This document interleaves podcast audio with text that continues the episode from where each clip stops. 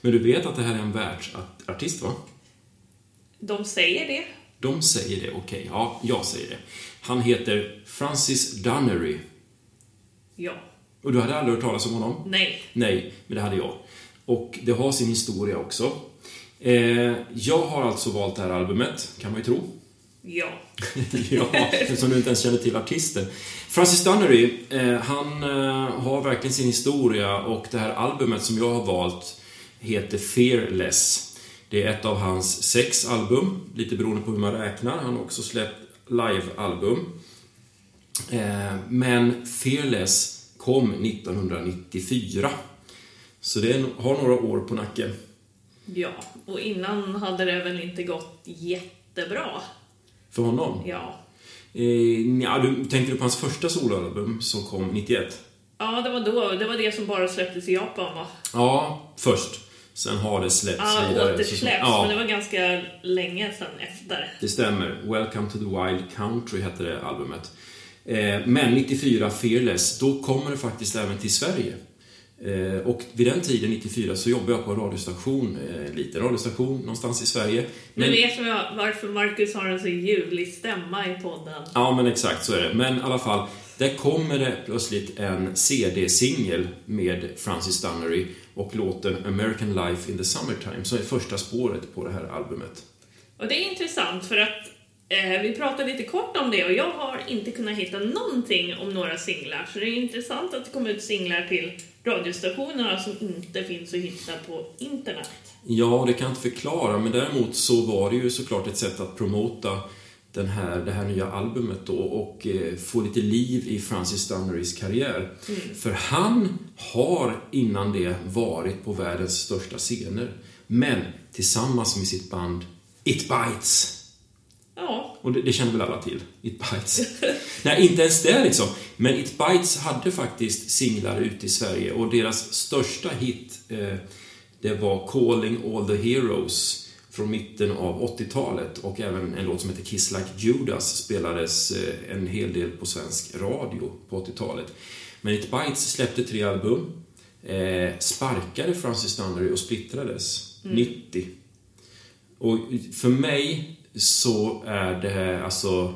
Det, det var som en ung man eh, en stor sorg när It Bites sprack. För att It Bites, det, det, var, det var vänner till mig och jag som upptäckte dem plötsligt någonstans där på 80-talet och bara älskade It Bites. Vi älskade första albumet, andra albumet, tredje albumet. Det blev rockigare för varje album.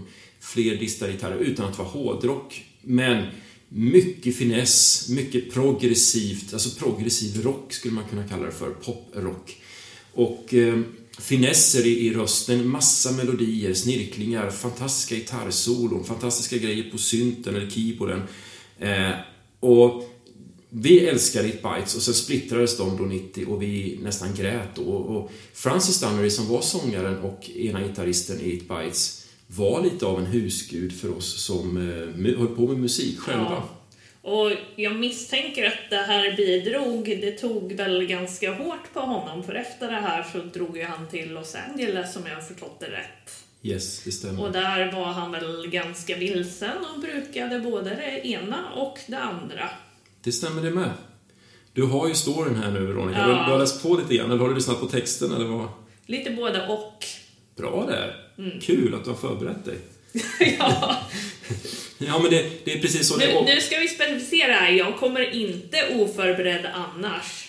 Nej, det är sant faktiskt. Men Welcome to the Wild Country blir liksom hans första soloalbum som kommer ganska snabbt efter splittringen. Och det är ju precis det du är inne på. Han är vilsen. Han beskriver det albumet så här efteråt som en tid när han inte visste vem han var.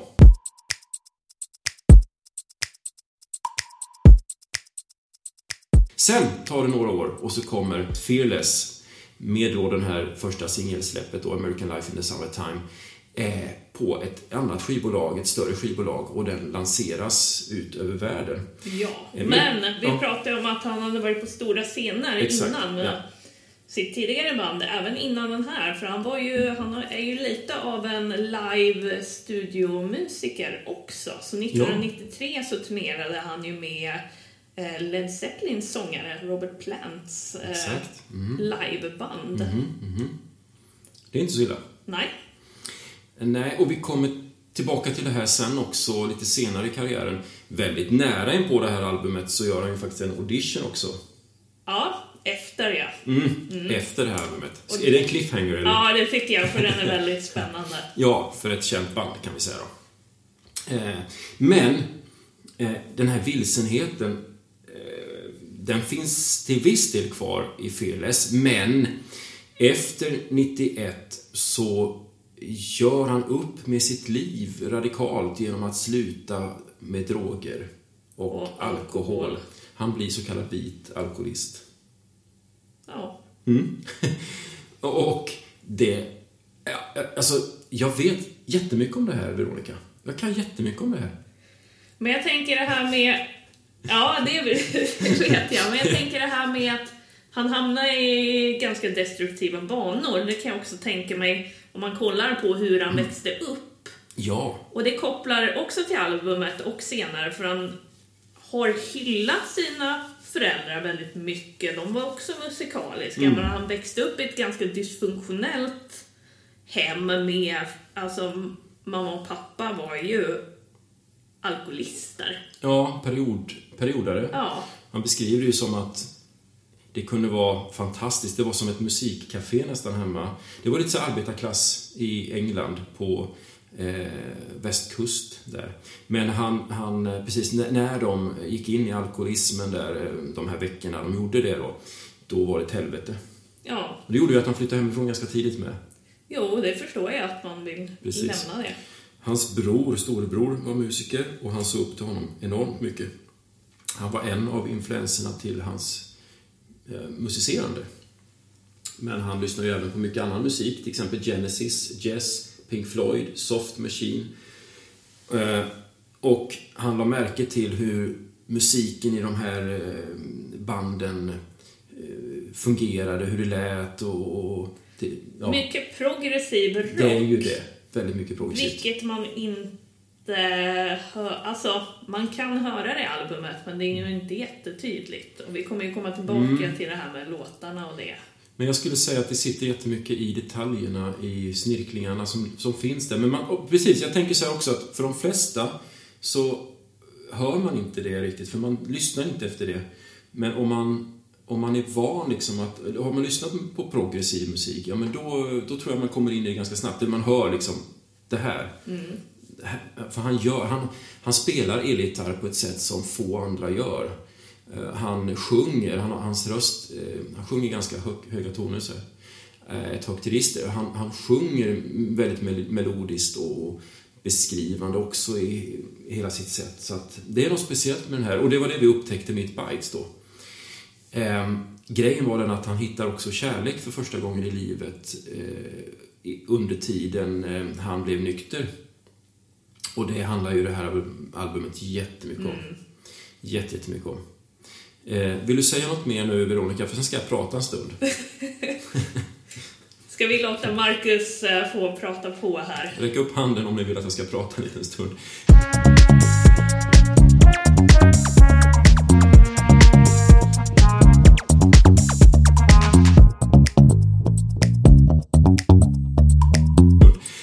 Så här nämligen. Att eh, han var ju en liten husgud för, för mig, Johan och Tony. Och liksom, vi, vi hade hittat det här bandet och så här. Och sen splittrades de. Vad händer nu? Och det här första soloalbumet, det fick vi aldrig reda på förrän långt senare. Ehm, utan det är Fearless som blir vårt första soloalbum med honom. Och det låter inte helt som It Bites, men delvis absolut. Det är hans röst, det är hans gitarrspel nu och då. Men det är lite mer programmeringar här. Det fanns inga direkta programmeringar, inte mycket programmering i Bytes. Men eh, i det här albumet så finns det mer av det. Ehm, men vi var så här nördiga så att vi lyssnade på texter, vi lyssnade på allting och vi trodde nog vi förstod det mesta.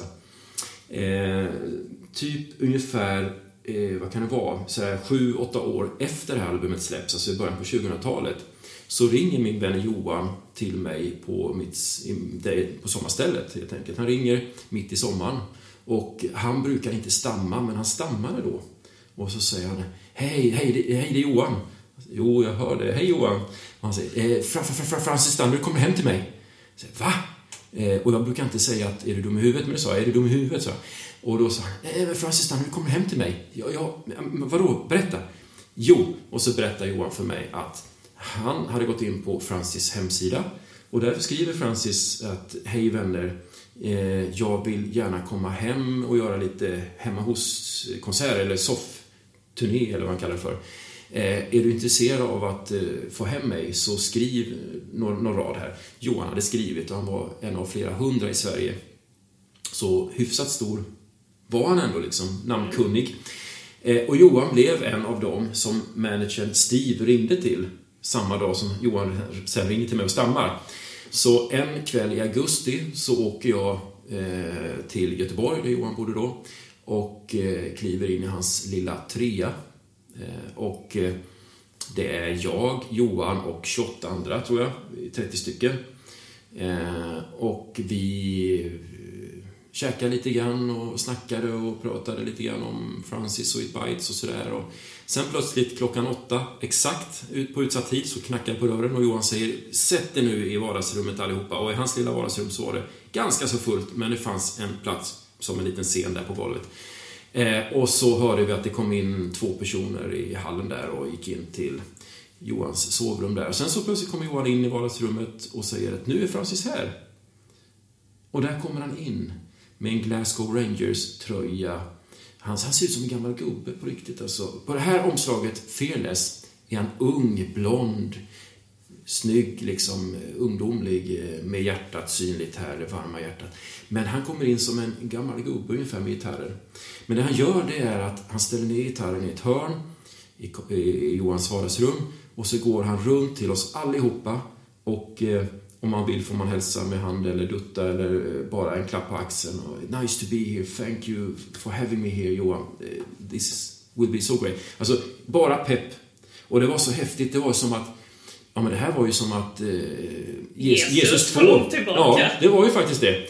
Eh, eh, och, och, men på riktigt alltså, han var ju den här den här som inte var mänsklig egentligen för oss. Utan han var ju den här Men i alla fall.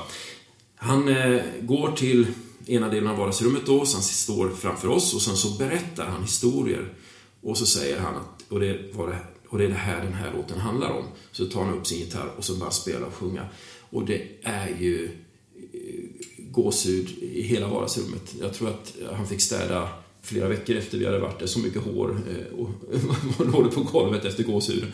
Nej, men det var så sjukt bra och, och plötsligt så, okej, okay, jag fattar inte texten.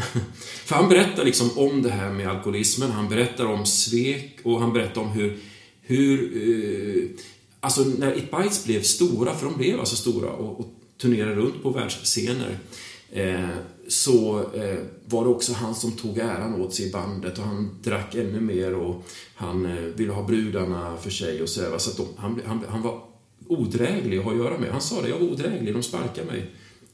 Jag fattar det. Mm. Och sen blev han nykter, tog tag i sitt liv eh, och släpper då så småningom albumet Fearless. Där berättar han också då hur han träffar sitt livs kärlek, sitt livs första kärlek på riktigt där han känner att här är det en kvinna som älskar mig för den jag är och en familj som tar emot honom i sitt hem. Men i det, här albumet berättar ju om uppbrottet också. Smärtsamma i det och eh, även det ljuva i det. Men han kunde liksom inte ta emot den kärleken. Han visste inte vad han skulle göra. Han har ju inte växt upp med det, precis som du sa. Ja, växer man upp i ett dysfunktionellt hem så ja blir det ju svårt. Ja, att lita på att det verkligen är på riktigt och hur ska man handskas med det, hur ska man ta emot och hur ska man ge tillbaka och så. Så det funkar ju inte. Men han berättade för oss liksom, det var hans livs kärlek som han sen sumpade, men det var ändå början på något nytt. Fearless. Mm. De säger ju möt aldrig dina idoler, men här låter det ju ändå som att idolen höll sig liksom. Jo, för efter han hade spelat och sjungit och berättat för oss i en och en halv timme så sa han att eh, ge mig bara fem minuter på, på Johans rum så jag, måste bara, jag ska bara pusta lite, så kommer jag tillbaka. Så, sen stod vi och snackade, han var kvar liksom en timme till säkert och plötsligt stod vi och pratade och jag pratade om att jag hade fått ett litet barn, han hade ett litet barn och sådär, så att vi pratade lite om sånt och sådär. Sen åker jag hem, eh, om det var på natten där eller om det var dagen efter, men i vilket fall, då tänker jag exakt den här tanken som du var inne på nyss. Alltså, vad har jag varit med om? Och så tänkte jag att det, här, det är ju som Jesus kommer ner. ja, men typ, nej, men alltså, på riktigt alltså, det här med Idol, liksom, var det här bra, tänkte jag. Var det här bra egentligen? Han är ju mänsklig nu. Han är ju inte alls den här som man har framför sig högt upp, liksom, utan han är ju här på jorden. Så att det var en jätte, ett jätteskumt möte. Men så här efteråt så är det ett, ett fantastiskt minne och mm. ja, det känns ju som att man skulle kunna träffa honom igen. Ja, men då känns det ju som att det ändå var rätt. Ja, mm. det, det, var rätt. Grejen är också att han gör, han är känd för att göra såna här, den här typen av spelningar sen början på 2000-talet. Så nu och då så ger han sig ut och spelar hemma hos folk. Och han sa det också att jag har stått på världens största scener, men eh, Eh, nu så är inte jag så stor på det sättet så att det, det han, han, han, menar inte liksom att jag är en superstjärna nu som borde få stå på en stor scen istället för att vara här hemma i ett sunkigt vardagsrum. Utan tvärtom, liksom, att det här är mitt sätt att möta publiken nu och jag, jag tycker det är fantastiskt. Jag tänker att det är ju de riktiga fansen som är de som kommer också. Så att det är ju liksom genuint på ett annat sätt. Ja, det blir, blir väldigt genuint. Och hans sätt att, att göra det var helt otroligt.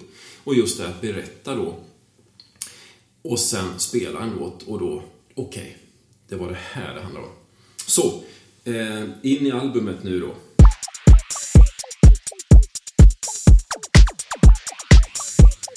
Och jag tänker innan dess att vi pratar ju om album som är underskattade i den här säsongen. Och då är ju frågan, varför anser du att det här är underskattat? Jo, det är väl så här att det kom 94. Det läckte ut då lite singelmaterial som spelades på radio en del den där sommaren 94. I Sverige kanske det drunknade av fotbolls-VM och annan musik, men eh, det hände ju inte så mycket mer med Francis Dunleary, utan han var för oss liksom redan fans, eller redan frälsta kan man väl säga. Och mm, jag tycker att det här albumet är värt en andra chans på något sätt, att lyftas fram igen. Jag skulle kunna valt hans första album, för det är ju helt liksom bort, det är ju så borta liksom. Det finns på Spotify och så, men det, det, mm, men jag, jag tycker, jag, jag valde det här. Jag skulle säga att hans nästa soloplatta efter den här heter Tall blond Helicopter 95. Det är hans mästerverk. Det, det är helt fantastiskt. Men eh, jag tycker Fearless är värt att lyssnas på innan man lyssnar på Tall Blonde Helicopter och It Bites och allt det här. Så, därför. Ja. Men det är dags att prata lite grann om albumet nu va? Ja. Äntligen. Och ska vi börja med den då första låten som också var den som kom som singel till ja. din radiostation. Just det. Mm. American Life in the Summertime. Ja, från en, en britt. Ja, precis. Men jag, jag tar den som att den är extremt självbiografisk. Ja, men det är rätt. För den pratar ju om liksom att komma till ja, Los Angeles, mm. är det ju då. Mm. Eh, och liksom, vad händer? Ja. Hur upplever man stället? Och så vidare. Och där han gör upp med sitt liv också på något sätt. Då. Ja. ja. Ja, men det är helt riktigt. American Life in the Summertime. Men den är också som låt upptempo. Ja. Den är pepp. Men det som är med hans låtar på det här albumet, till största skillnad mot It Bites också, det är att det ofta ligger som en trumprogrammering i botten. Eh, ska säga också att det är Francis som spelar i stort sett alla instrument på, på albumet också. Ja. Han spelar även till viss del trummor då. Sen har han en del inhyrda musiker. Men det är liksom som beats som ligger. Så det, jag får, jag vet inte om du håller med mig om det här nu, men flera av låtarna på det här albumet har lite grann av lite hiphop beats i botten. Ja, det är möjligt. För att, ja, när det spelades in så var det ju... mm, Det var väl där de som använde liksom de färdiga beatsen, tänker jag. Mm. Och eh, det är också lite funkigt här och var. Det är lite rytmiskt sådär. Ja, Och, och det hänger ju ihop på något sätt li, lite. Man, man skulle ju inte säga att han eh, rappar jättemycket. Men ibland så är det ju lite som, som i American Life of the Summertime, in the Summertime, att han mm, näst, nästan pratsjunger lite grann där. jo men han kom på ett par låtar så kommer Ja. han in mot det, ja. Mm, det finns en tendens alltså till, till hiphop utan att det är på något sätt hiphop det här. Men lite funky vibes och så även det här progressivt. Fast jag skulle kalla det här för progressiv pop i sådana fall. Ja, jo. Eh, han har också en jazzkänsla och ibland så glimrar den distade gitarren till, men det är inte så jätteofta och då blir det lite rockigare. Eh, men det är också mycket blues i det här. Men American Life is a Summertime, en liten upptempo-låt, ja. Eh, den är positiv. Ja. Och jag tycker att den är somrig på sitt sätt.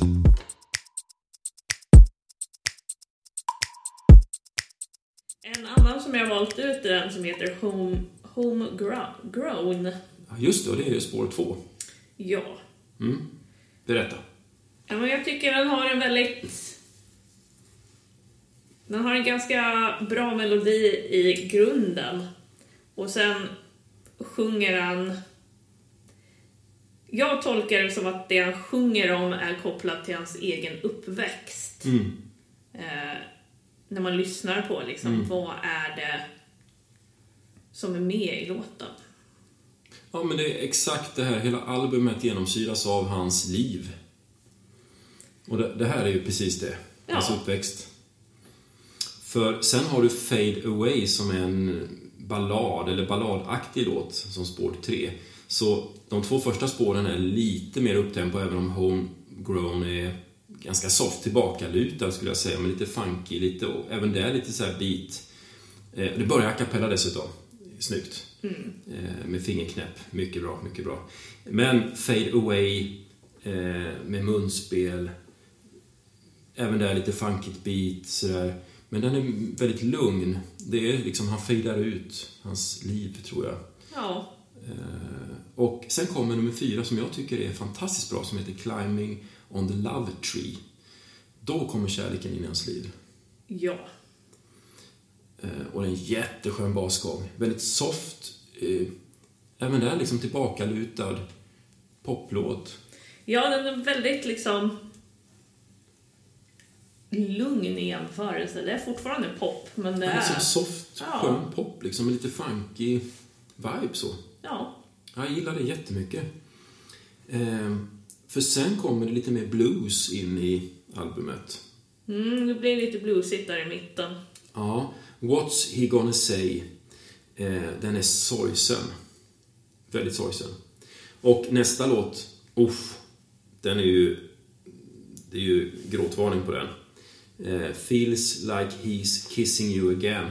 Men han sjunger nästan aldrig he's, utan han sjunger feel like kissing you again. Så lägger han in det här ordet he's, alltså att det är någon annan då. Eh, det här handlar ju om kärleken i livet och hur det kan spricka, hur ont det kan göra. Börjar ju med att han ställer en timer, en klocka, som tickar. Det kan vara symboliken för... Ja, men jag tycker man kan nästan höra sorgen på honom när han sjunger den. Den är väldigt liksom Ja, nästan, melankolisk. u- utan att skrika så är det nästan. Ja, men det är nästan som Ja. han skriker fast han Ja. inte skriker. Nej, men det är sån enorm känsla. Jag, jag, jag, jag, bara tänker liksom, det är sån naken sång på något sätt. Han är så utlämnad. Ja, och, och det är, i den här låten, det tycker jag inte man hör så mycket i det andra, men det blir väldigt raspigt också. Ja. Ja, men precis. Och, och eh, jag tänker att det är lite som att han står ute i ett spöregn och är mest ledsen på jorden. Fast det är den här klockan som tickar och tiden går och vad händer med livet egentligen? Och, och så får han utlopp för sin frustration och sin ledsenhet. För sen kommer det plötsligt en riktig upptempolåt i King of the Blues som är en riktig bluesrockrökare med munspel och elgura. Den är ösig. Ja, Så det händer någonting där som, ja, sticker ut på hela albumet. Sen är vi tillbaka med Everyone's a Star eh, till det här lite mer tillbakalutande, lite beat, eh, funk, eh, hiphop beat-aktiga i grunden. Fast här kommer banjo in. Det gillar väl du? Beroende på vart den hamnar, men absolut. Jag kan tycka att det är kul när det kommer in något lite mer oväntat. Ja. Och här handlar det om, om Hollywood, bland annat. Ja. Eh, och eh, den är också catchy. Ja, det kommer ytterligare tre låtar. Jag kan säga att den sista låten, Good Life, den har flest streams av alla hans sololåtar. Ja, och det kan jag ju förstå, för jag har ju med den här. Du hade det? Ja. Sista spåret. Men vet du en sak? Den låten, den kommer tillbaka på ett senare album sen. När han gör det helt akustiskt. ja. Och den spelar han i vardagsrummet också, Good Life. Men det kan jag tänka mig, för det här är ju verkligen... Vi pratade ju om det här med kärlek och att han... Det du berättade, att han hade träffat någon och liksom svårigheterna med det. Och den här låten handlar verkligen om det. Om komplicerad kärlek som inte blev det man hade tänkt sig. Mm. Och ångern över det, kanske inte misstag, men att man inte gjorde rätt val. Och också sen att se den man älskade ha ett nytt liv med någon annan samtidigt som man önskar den Just det. det bästa liksom. Ja, Having a good life. Ja. Ja. Eh, finns det någon, något uns av hopp i den låten egentligen? Ja, men det tycker jag väl ändå just att det avslutas där med att han önskar då henne a good life. Hoppas att du får det ett bra liv med din nya familj. Ja, för, för min känsla är när jag lyssnar på hela albumet att, den, att det är en bra avslutning på något sätt. På något sätt finns det ett uns av hopp för det kommer en fortsättning. Ja. Jag, vet inte, jag har, jag har den känslan med mig i alla fall. Men han säger ju You lost all your pain, you married with children and happy again. Ja. Det säger ju att liksom han själv inser att det funkar inte när Nej, de nej, var. nej, precis. Fearless är en, ehm, en, ett album om livet och då särskilt Francis Dunnerys liv så långt. Ja. Eh, sen är det bara att fortsätta att lyssna. Eh, nästa album då, Tall Blonde Helicopter, är eh, otroligt roligt och eh, bra på alla sätt och vis. Men där släpper han de här, den, här, den här typen av beats som finns på det här albumet. Och jag skulle säga att han mer och mer kommer in sen i det som är hans singer-songwriter-jag.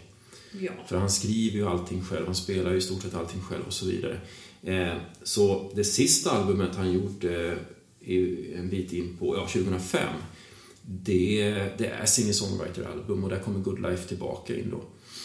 Eh, och där berättar han stories verkligen. Så, ja, så han knyter ihop sin säck på något snyggt sätt där det gör han. med livsberättelserna. Och vi ska ju också knyta ihop våran säck, för vi lämnade ju våra lyssnare med en cliffhanger Ja, det gjorde vi faktiskt. att Ja. det hände någonting Han var efter på en audition. Ja, han var på en audition och på Ja. den här tiden fanns det inte Idol eller något sånt. Vi snackar 95 nu, ja. 96 Ja, 96 var det faktiskt. Det stämmer.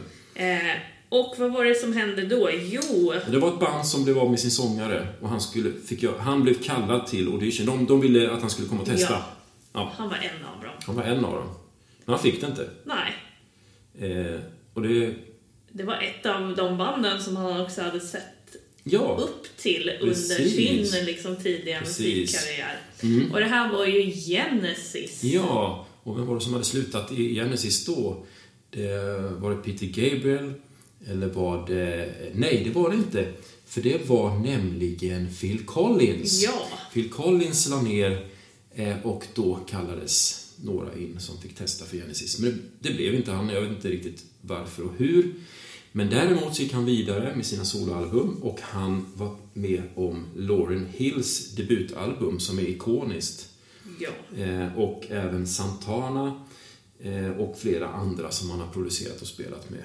Men han gick in i en liten semi-pension, semi-retirement, där i slutet av 90-talet och började ett tag med hästar och lite Ja, just det. astrologi. Ja, Shakti. Shakti, det är Ja. den hinduiska kosmiska energin och Och snickeri och så här. Vet, vet du Veronica, han skulle gärna komma hem till dig och prata om Shakti. Det vet jag. Han, han gör, och till mig kan han komma och lira, liksom, spela låtarna. Så kan prata om kosmisk energi hos dig.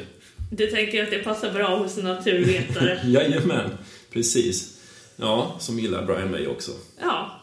Det, det knyts ihop det med på något snyggt sätt. Kosmos, kosmisk. Ja. Exakt, exakt. Men du behöver lite religion i ditt liv, tror jag. Men du, ehm, jag skulle säga så här på slutet att Francis Dunnery, det handlar jättemycket om melodier. Han berättar med melodier. Det är oerhört melodiöst. Jag skulle vilja säga att det är texten. Ah, Ja, det är klart melodierna, men utan texten så tycker jag att det här albumet ger inte alls mycket. Okej, tycker du att andra ska lyssna på det här? Ja, det tycker jag. Och med texten då. Ja, eh, lyssna noga, ha texten framför dig. Mm. Vi är överens då. Och eh, vi tycker ju du och jag att man ska lyssna på våran podd först och lyssna på albumet sen. Ja, Varför då? för att då har du ju med dig bakgrunden och då blir det lättare. Ah, Det är ju ungefär som att det var Francis Dunnery som kom hem till just dig som lyssnar just nu. Ja. Men om man känner att nej, jag vill lyssna på albumet först, så får man absolut göra det. Det får man. Okej. Yes. Francis Dunnery, lyssna på albumen och inte minst då Fearless från 94. Ja. Ja, tack för oss. Tack, tack.